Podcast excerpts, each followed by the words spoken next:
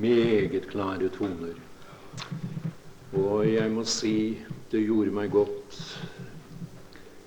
Eh, det er sånn at når man stadig er opptatt med å gi ut, så er det så velsignet godt å få sitte ned og lytte til evangeliet.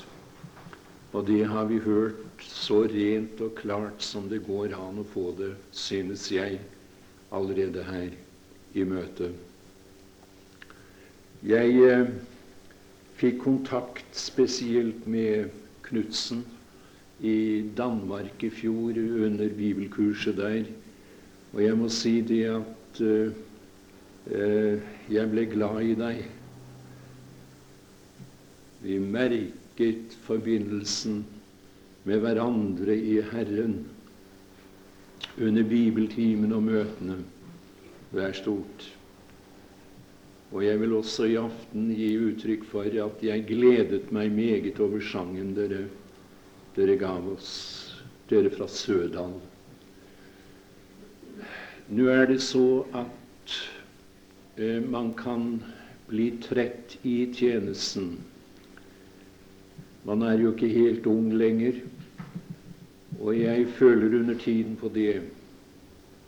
Har kanskje følt også litt på det denne uken jeg avsluttet oppe i Sunnhordland med en bibeluke på søndag, og så tok vi fatt her igjen denne uken. Og det har vært også meget virksomhet for øvrig. Men eh, det er godt.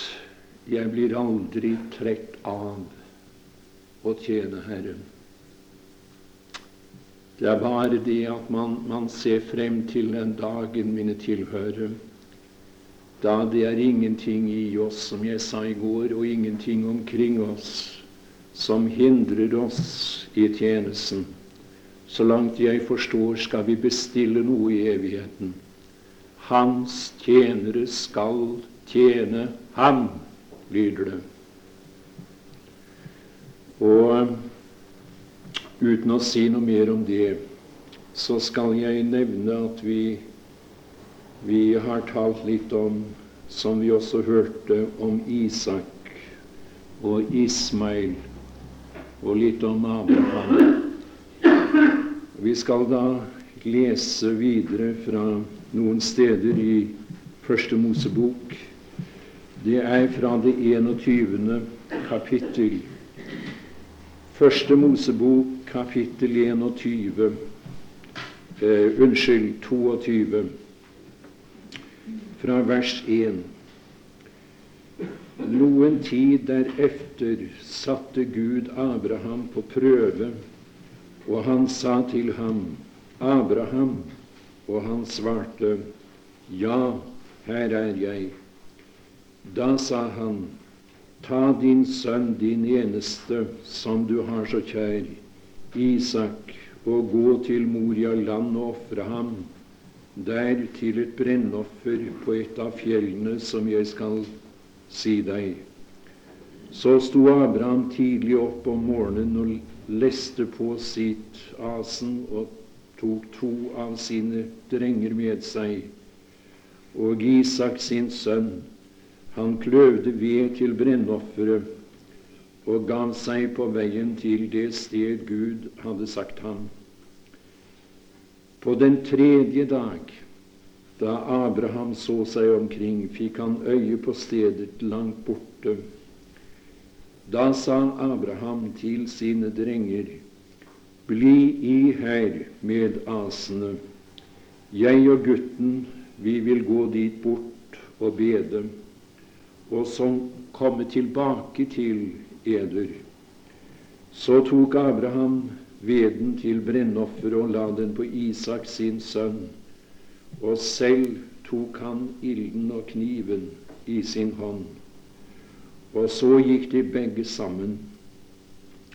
Da talte Isak til Abraham sin far og sa, Du far? Han svarte, Ja, min sønn. Han sa, Se, her er ilden og veden, men hvor er lammet til brennofferet? Abraham svarte, Gud skal selv utse seg lammet til brennofferet, min sønn. Så gikk de begge sammen. Og da de kom til det sted Gud hadde sagt ham, bygget Abraham et alter der og la veden til rette. Så bandt han Isak sin sønn og la ham på alteret ovenpå veden. Og Abraham rakte ut hånden og tok kniven for å ofre sin sønn.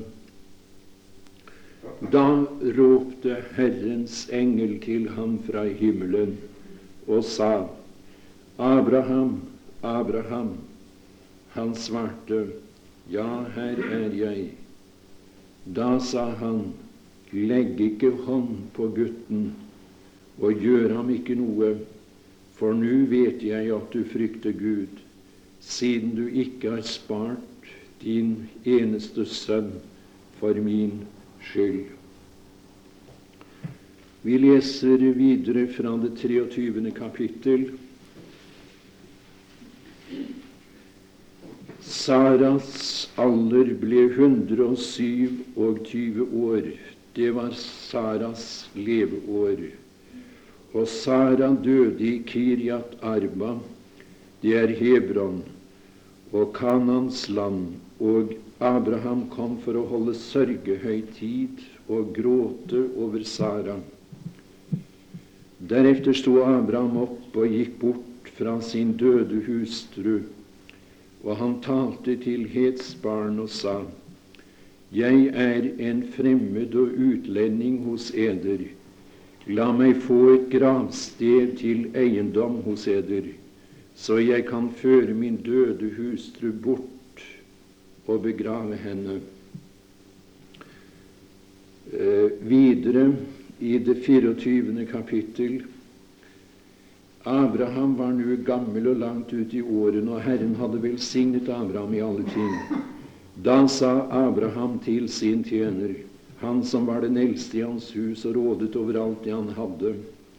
Kjære, legg din hånd under min lenn, så vil jeg la deg sverge ved Herren, himmelens Gud og jordens Gud, at du ikke skal la min sønn ta seg en hustru av døtrene til kanonittefolket som jeg bor iblant, men du skal dra til mitt eget land og til min slekt og hente en hustru til min sønn Isak.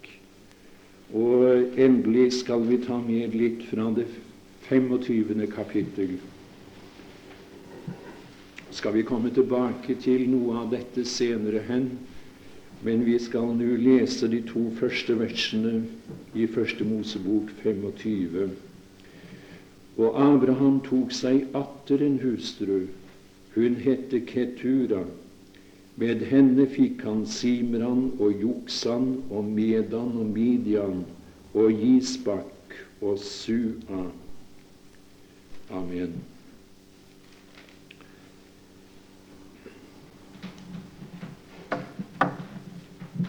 Det kan vel være på sin plass at vi repeterer noe av det som vi har vært opptatt med i de to foregående møtene denne uken før vi nå går videre i våre betraktninger.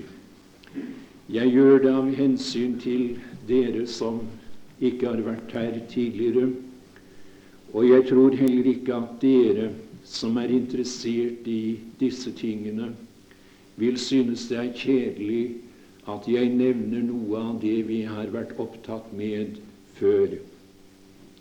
Vi har sett at Isak patriarken var og er et forbilde på den Herre Jesus Kristus. Han står der i Skriften som et, en av de fineste typer, et av de fineste i, eh, bilder, illustrasjoner, på hva vi eier i den Herre Jesus i dag.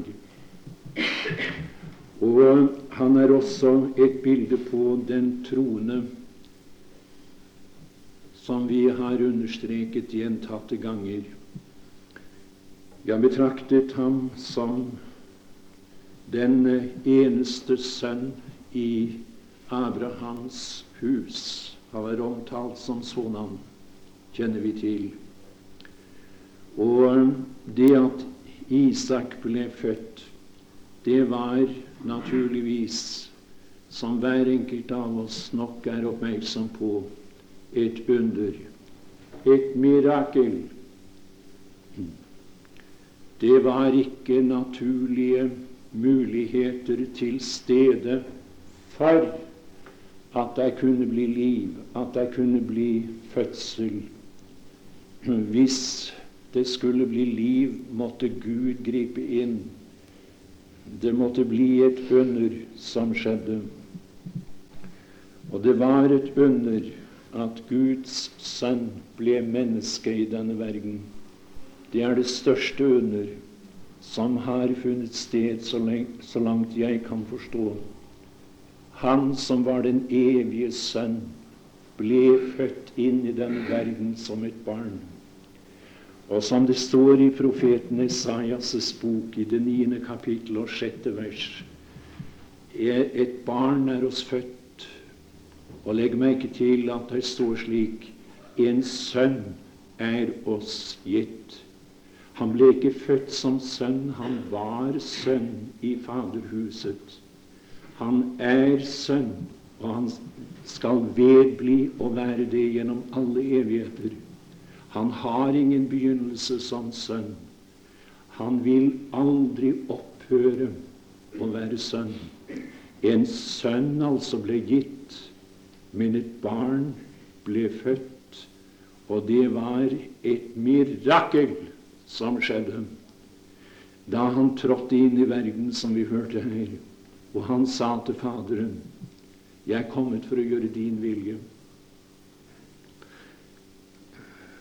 Det er et like stort mirakel at en synder i denne verden kan få liv. Å, det er et under når syndere blir frelst. Og det er det vi lengter efter, det er det vi ser frem til. Og jeg må si, for å være personlig, at jeg har bedt på mine kne i den senere tid, ikke minst, at jeg må få lov å være med i det stykket av reisen jeg har igjen til jeg er hjemme, og få, og få være med og lede noen til ham. Jeg unner ham det. Jeg ønsker ikke å møte ham ribbet og snauet når jeg en dag konfronteres med Ham som døde for meg, som absolutt ga alt for meg. Jeg ønsker å ha noe med. Jeg ønsker at man kunne i noen grad, ja, jeg sier i noen grad, si som den Herre Jesus sa da han kom hjem. Her er jeg og de barn som Gud har gitt meg. Jeg eh, håper at du har den samme innstilling, at du har den samme higen i ditt liv, at vi må få noen med. Og eh, vi har også sett at fødselen skjedde ved Guds ord, løftet, og Den hellige ånd. Det var sånn det skjedde, og det er bare på den måten det skjer. Ikke ved seremonier, ikke ved sakramenter. Nå får du si om meg hva du vil. Jeg taler ikke til dere i første rekke. Jeg taler fordi det er en i himmelen som hører meg. Nei, det skjer, godtfolk, alene ved Guds ord, ved løftet, ved Den hellige ånd, at en synder blir frelst, at det blir liv der hvor det er død overalt. Det, det, det er Guds ord som vi hørte her, som ble understreket, det er det som må få plass iblant oss. Det er ikke snakk, det er ikke fine prekener, det er ikke velformede setninger vi er ute efter. Nei da. Men det er at vi får høre Guds ord når vi kommer sammen, som er det vesentlige.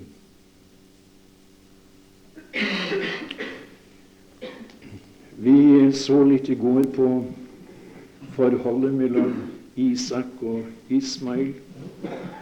Og vi så det var Det var altså han som var født efter kjødet, som forfulgte ham som var født efter løftet, ikke omvendt.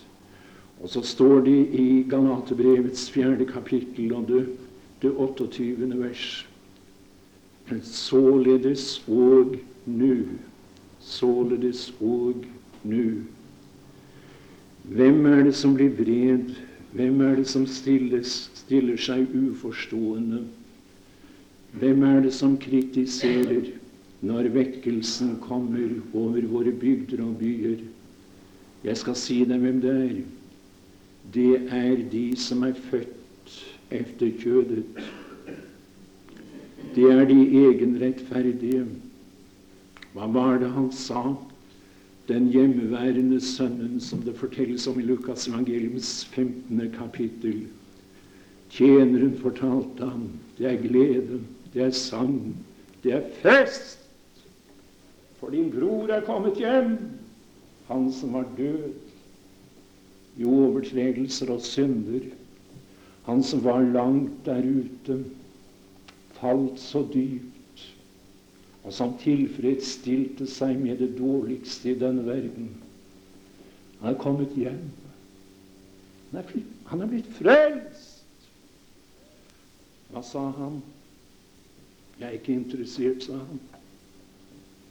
Vedgår ikke meg.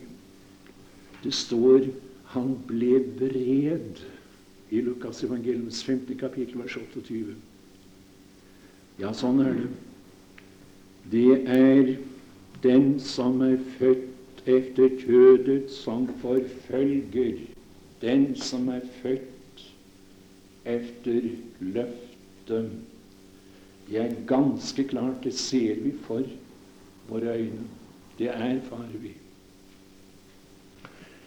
Nå skulle vi prøve i aften å si litt om det som vi her leste. Nå var det flere steder vi leste, som dere hørte. Men jeg synes at vi her har de store linjer i Skriften. Og det er de, det er de linjene som eh, vi må få øye på, som vi må se om den gamle boken Bibelen, Guds ord, skal lukke seg opp for oss. Vi ser disse linjene i forbilder her, og de er meget, meget klare. I det 22. kapittel i Første Mosebok, der blir sønnen, Abrahams eneste sønn, ofret på alteret. Og vi leste her til å begynne med noen tid derefter satte Gud Abraham på prøve. Og det var en hår, en, en hårprøve, en sterk prøve Abraham gjennomgikk. Jeg tenkte på det i dag da jeg satt bøyet over Bibelen og var opptatt med det som jeg skulle prøve å bringe i aften i dette møtet. Jeg tenkte på det som jeg også antydet den første dagen her vi var sammen. At de fineste, de beste, de edleste troende jeg har møtt i mitt liv, det, det var troende som hadde gått igjennom hårde prøvelser i sitt liv Gud hadde rørt ved dem på en eller annen måte. Som jeg sa, det er ikke alltid slik i livet som det ofte blir fremstillet. Det er et falskt bilde av kristenlivet, dette at vi kan gå gjennom livet og hver dag bare synge halleluja og klappe i, i hendene. Det er ikke slik det fortoner seg. Der er troende som ofte føler større trang til å gråte enn til å le i denne verden. Sånn er det. Gud rører gjerne ved det beste, det kjæreste, det fornemste i vårt liv. Eh, det er så sant som det er blitt sagt. Alle har sitt. Det kan være noe som er åpenbart. Det kan være noe som mer er, i det skjulte, og som, som bare du og Herren kjenner til. Jeg kan trygt si jeg har også hatt mitt i mitt liv.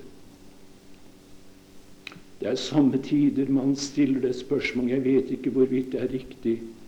Det er vel neppe riktig. Hvorfor? Hvorfor skal det være slik? Hvorfor skal det hende? Sang i egentlig forstand. Og så heter det Da sa han, altså Gud,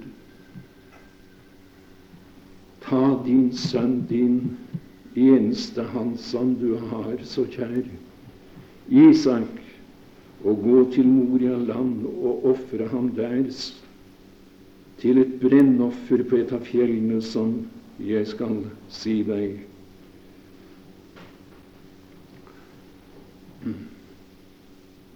Fra den dagen Gud sa dette til Abraham, så var Abrahams sønn Isak like som død for Abraham.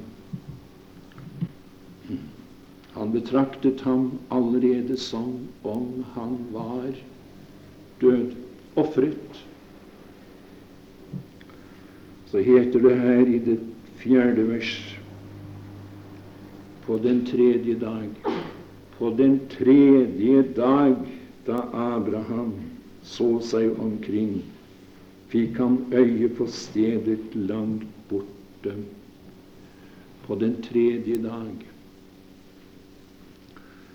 Ja, Skriften sier, og jeg ser her at det ligger en vidunderlig tanke skjult i det fjerde vers i kapittel 22 på den tredje dag. Eh, første Korinterbrev, det 15. kapittel, tredje vers. Vi kunne sitere andre steder i denne sammenheng, men der står det at Kristus sto opp fra de døde på den tredje dag efter Skriftene. Jo, Abraham fikk ham tilbake på den tredje dag. Og la oss lese litt fra Hebrebrevet, det ellevte kapittel. Det ellevte kapittel i Hebrebrevet. Vi tar med fra det syttende vers. Ved tro ofret Abraham Isak den gang han ble fristet eller prøvet. Det er nemlig det samme ord for friste og prøve. Ved tro ofret Abraham Isak den gang han ble fristet, ja, sin enbårne ofret han, som hadde fått løftene, han som det ble sagt til, i Isak skal det nevnes deg en ett hva måtte ikke det være av prøve for denne troens mann Abraham? Ta, ta Isak, han som det ble sagt til, i ham, i Isak, skal det nevnes deg nett. Men så står det så fint i det 19. vers for han tenkte at Gud er mektig endog til å oppvekke fra de døde. Og derfra fikk han ham òg likesom tilbake. Isak ble ofret. Gud aksepterte dem, og han sier gjentatte ganger her Du har ikke spart din egen sønn. Han var ofret i Abrahams hjerte allerede fra, jeg gjentar, den dagen Gud befalte ham å gå til Moria. Og så langt jeg eh, skjønner, og jeg er ikke alene om å se det sånn eh, Det fjellet der på Moria, det berget der, det er identisk med det sted hvor vår velsignede Herre og Frelser en gang døde. Det er Golgata. Jeg tror bestemt at det er, det er Golgata som her er omtalt. Det var der Abraham ofret sin eneste sønn.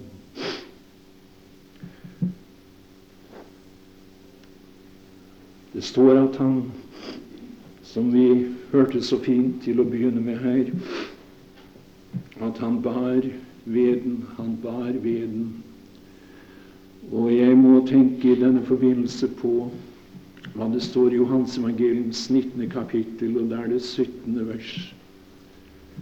Det står at den Herre Jesus bar sitt kors, bar sitt kors. Jeg formoder at uh, denne mannen som ble tvunget til å bære hans kors, måtte ta over da den Herre Jesu legeme der var ved å vakle. Han ble hudstrøket, tornekronet. Han ble spyttet på. Han ble forslått. Og sånn ble han foraktet, ført til, til Moria høy, til Golgata. Det var for din skyld, og det var for min skyld. Jeg måtte i dag si ham takk fordi han var villig å lide for meg. Men dette var, dette var bare det mennesker påførte Guds sønn. Husk det. Det var menneskene som behandlet ham da han gikk der, ble ført ut til korset. Frivillig gikk han naturligvis. Men uh, i de tre mørke timer på korset, da var det Gud som behandlet ham. Det var Gud. Det var Gud han hadde med å gjøre der. Så gikk de begge til sammen, står det to ganger. Så gikk de begge til sammen, de to drengene. Og noen mener at dette er et bilde på Jeg tør ikke si det. Men ypperlige bibellærere mener jo at vi her har en avskygning av de to røvere som fulgte Kristus til korset. De kunne ikke være med i de tre siste timer. Der var det bare han og Gud. De kunne ikke sette seg inn i det som det skjedde, der skjedde, og vi er vel heller ikke i stand til å forstå dybden av det. Jo mer jeg ser inn i dette, jo mer synes jeg jeg beveger meg på overflaten mine tilhører. Hmm. Hva var det som skjedde der på Golgata kors i de tre mørke timer? Det var så mørkt som det aldri har vært i denne verden.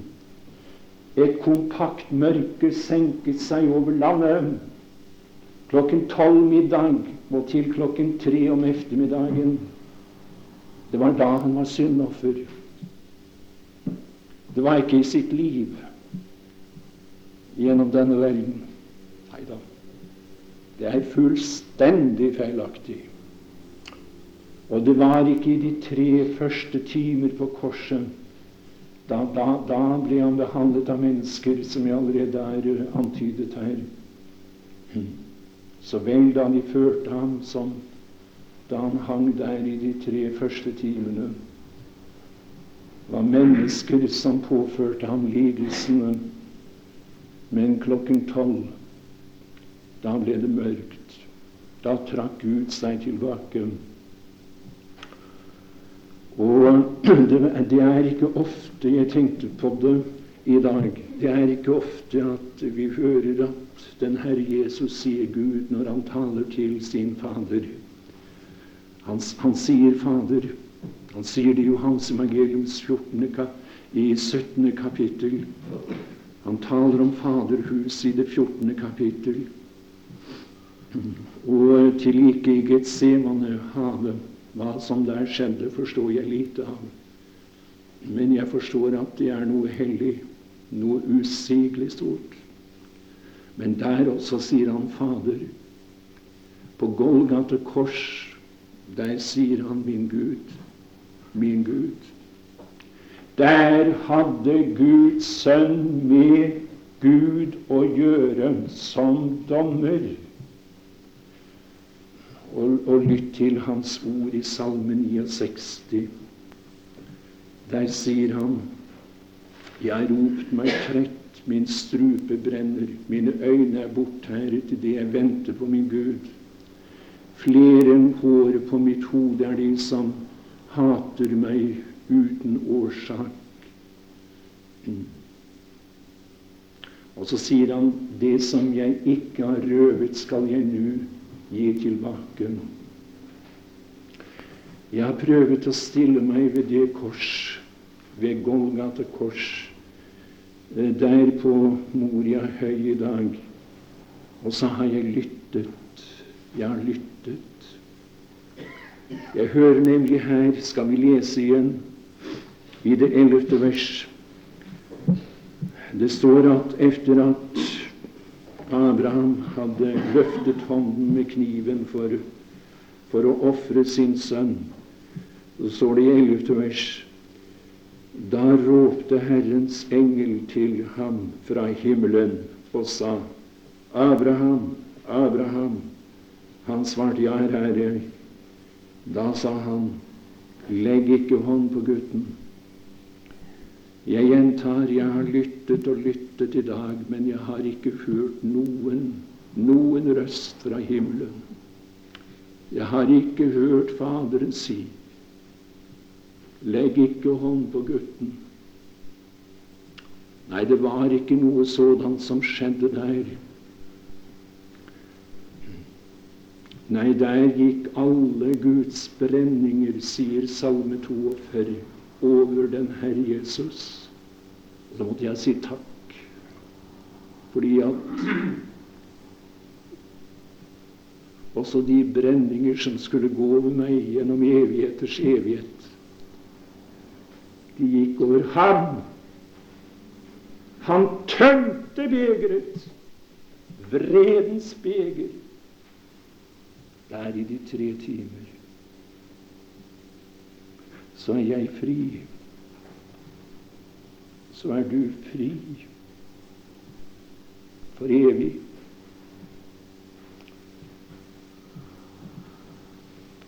Ja, vi beveger oss på et hellig sted. Det er vanskelig å tale om det.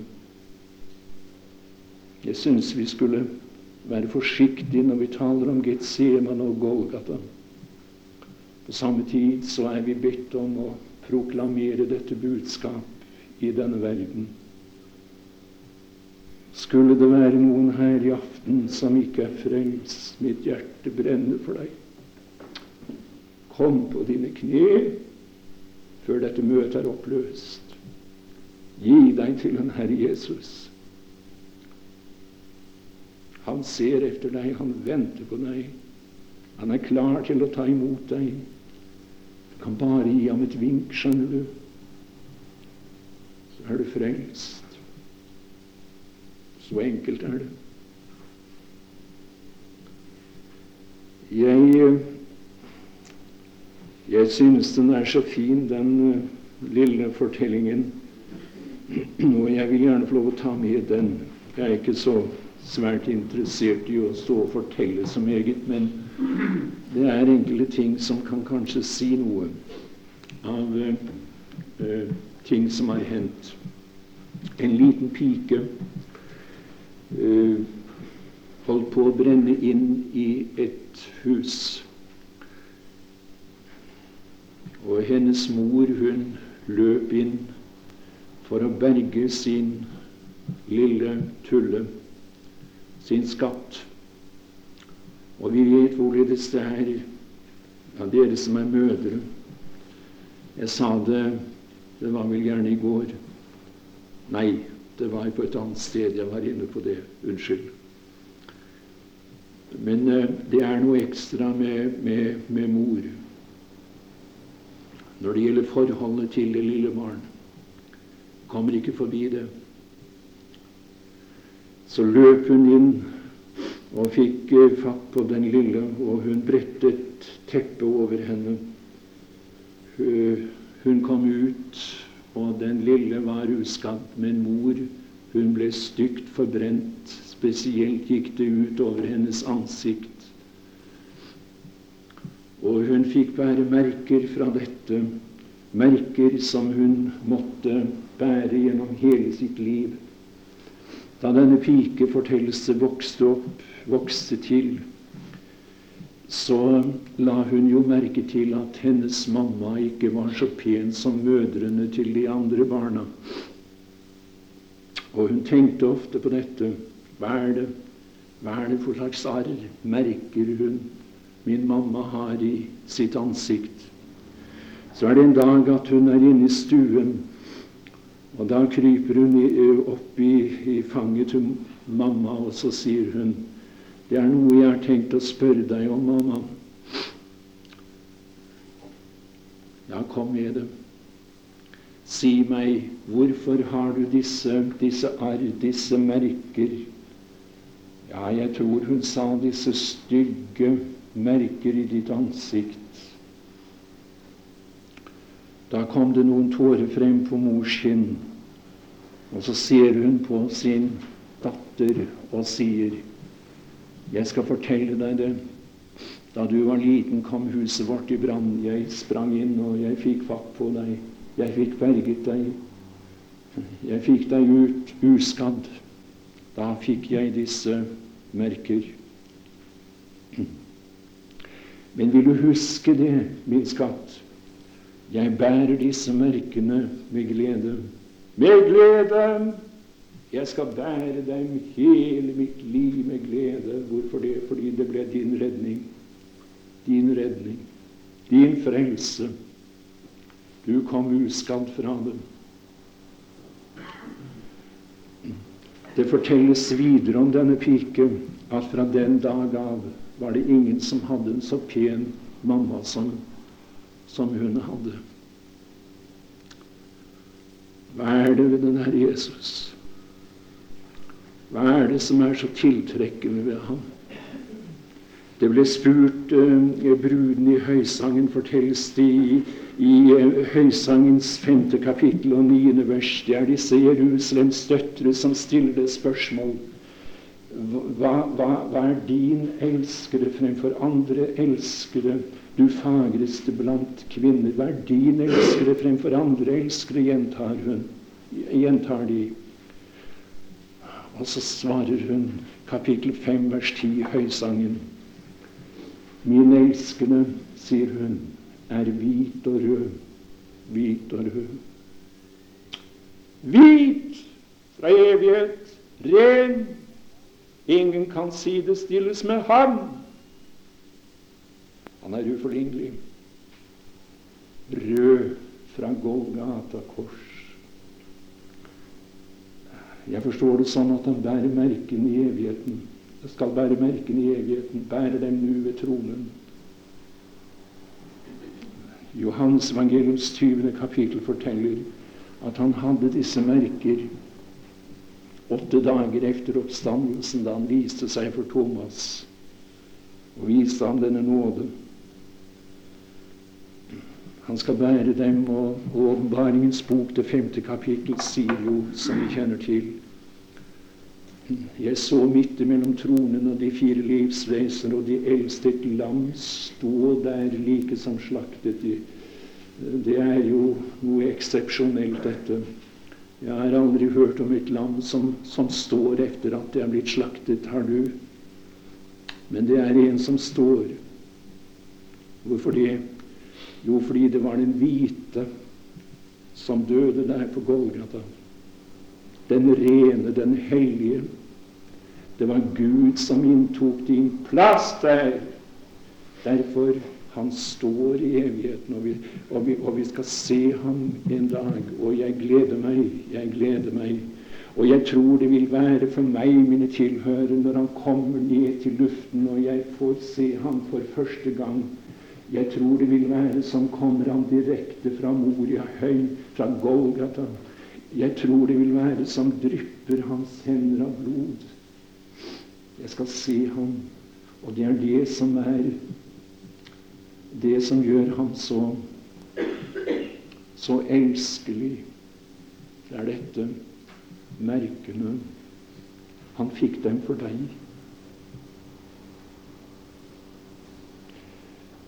Er det ikke noen som vil begynne å tilby ham? Er det ikke noen som syns at han er verd å, å falle ned for? Her og nå kan gjerne avbryte meg. Det kan være godt, det, at du sier 'ja, her er en'. Det, tre, I det 23. kapittel fortelles om Saras død. Og Sara er her en type på Israel.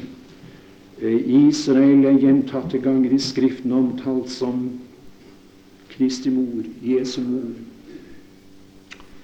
Og forbindelsen med, med eh, Sara ble her brutt.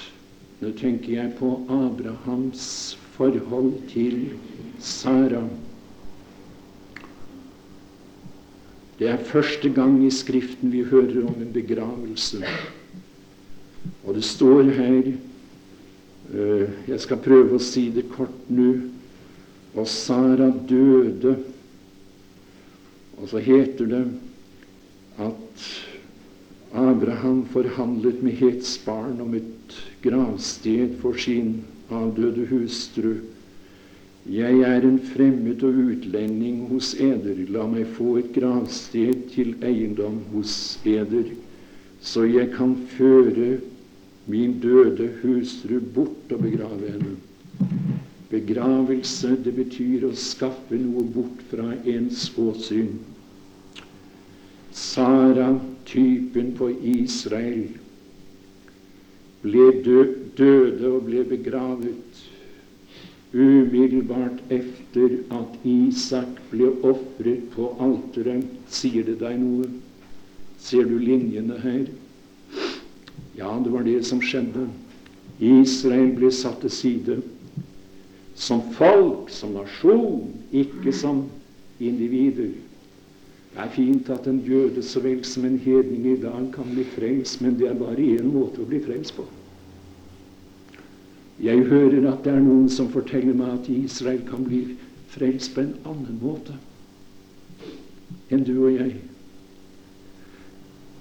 Jeg tror de tar det på forskudd, det som skal komme inn under den antikristelige trengsel, under den syvårige eh, trengselsuken som vil komme etter at menigheten er opprykket. Nei, det er bare én måte å bli frelst på i den tid. Det er ved troen på den Herre Jesus. Bare på den måte kan en jøde bli frelst. Som nasjon er de satt til side.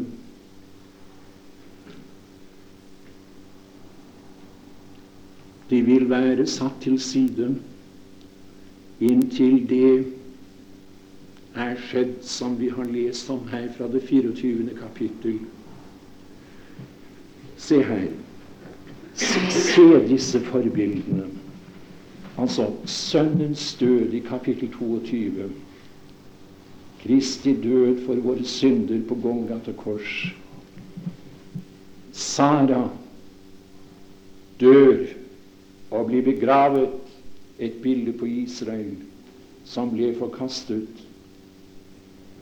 Så kommer det 24. kapittel og forteller oss den eldste tjener i Abrahams hus han ble sendt ut for å, for å, for å utta en brud for sin sønn, som da likesom var oppstanden fra de døde. Jeg synes det er så glimrende. Du kan ikke få det finere. Det er det Gud er opptatt med i dag. Noen vil fortelle meg at Gud er opptatt med å forbedre verden i dag. Verden skal bli suksessivt bedre, fortelles det fra visse hold i dag. Og, og, så man, og så skal man gli inn i en gyllen tidsalder som heter tusenårsriket etter hvert. Hva sier Bibelen? Jeg hørte en si den Herre Jesus kan ikke komme før det er gått 40 50 000 år. Han kan ikke komme før. Men da vil verden være moden for å motta ham. Den gamle boken, Guds ord, Bibelen, den som har stått sin prøve gjennom alle år, den som er syv ganger lutret, som vi hørte, den sier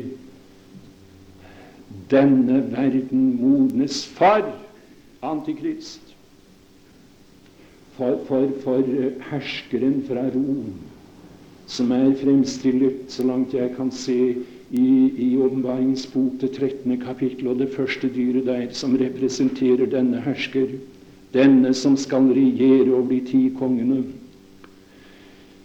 og antikristen, den religiøse leder som vi finner i Jerusalem. Eh, I parentes sagt jeg kan ikke få til å, å, å at dette stemmer når man sier at Antikrist vil regjere fra Rom. Jeg tror han vil være i Jerusalem. I Jerusalem. Det er der han skal bedra Israel, jøden. Og jeg tror bestemt, uten at jeg kom, kan komme inn på det nå, for tiden vil i dag gå fra oss Jeg tror han vil være en jøde. Men altså, i denne tid som vi lever i, er Gud ikke opptatt med å forbedre denne verden. Ja, den må være mer enn blind som ikke ser at, at det går den andre veien. Og det går hurtig.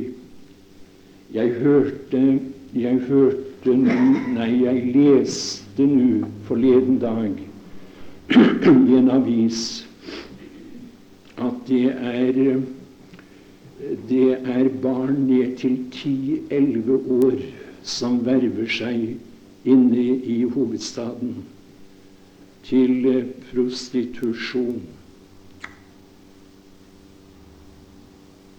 Det er kommet langt. Nei, det blir ikke noe lysere i den verden. Du kan stole på at det går veldig hurtig nedover nå. Somme ganger undrer jeg meg bare over at vi går her, vi som hører ham til. At han, at han ikke allerede har fått oss opp, rykket oss opp. Jeg vet ikke når han kommer, jeg vet bare at jeg kan vente ham hva tid som helst. Jeg skal komme litt nærmere inn på det på søndag i søndagens møter. Jeg ville bare nå trekke opp linjene ut fra Skriften. Og så det 25. kapittel. Der fortelles det at Abraham inngikk ekteskap med Ketura. Ja, her ser vi igjen Israel, men Israel på en kommende dag. Israel etter at menigheten er opprykket og, og den antikristelige store trengsel ligger bak oss. Da skal det skje. Da skal den Herre Jesus komme, men han skal ikke komme alene. Han skal ha en hærskare med seg. Han skal ha alle de frelste med seg. Og når jeg snakker her om alle de frelste, så må jeg også få lov å si at jeg tror at den største, største skare skal være på Kristi side når de to møtes etter tusenårsriket for siste gang møtes der, da tror jeg ikke at den Herre Jesus skal stå med en, med en håndfull, og så skal djevelen ha de mange. Bibelen sier 'Jeg vil gi ham ikke mange til del, men jeg vil gi ham de mange'. De mange! Jeg har hørt uh, noe om, men jeg tør ikke si det med 100% sikkerhet nå, at en fjerdedel av de mennesker som dør i verden, er barn. Og ingen skal komme og fortelle meg at et spedbarn som går ut fra denne verden, går til noe annet sted enn til selve Faderhuset, til herligheten går inn i Guds nærhet i kraft av Kristi verk.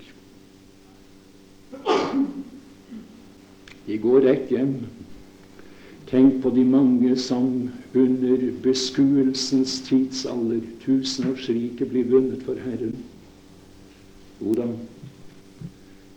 det skal nok bli slik som Skriften sier.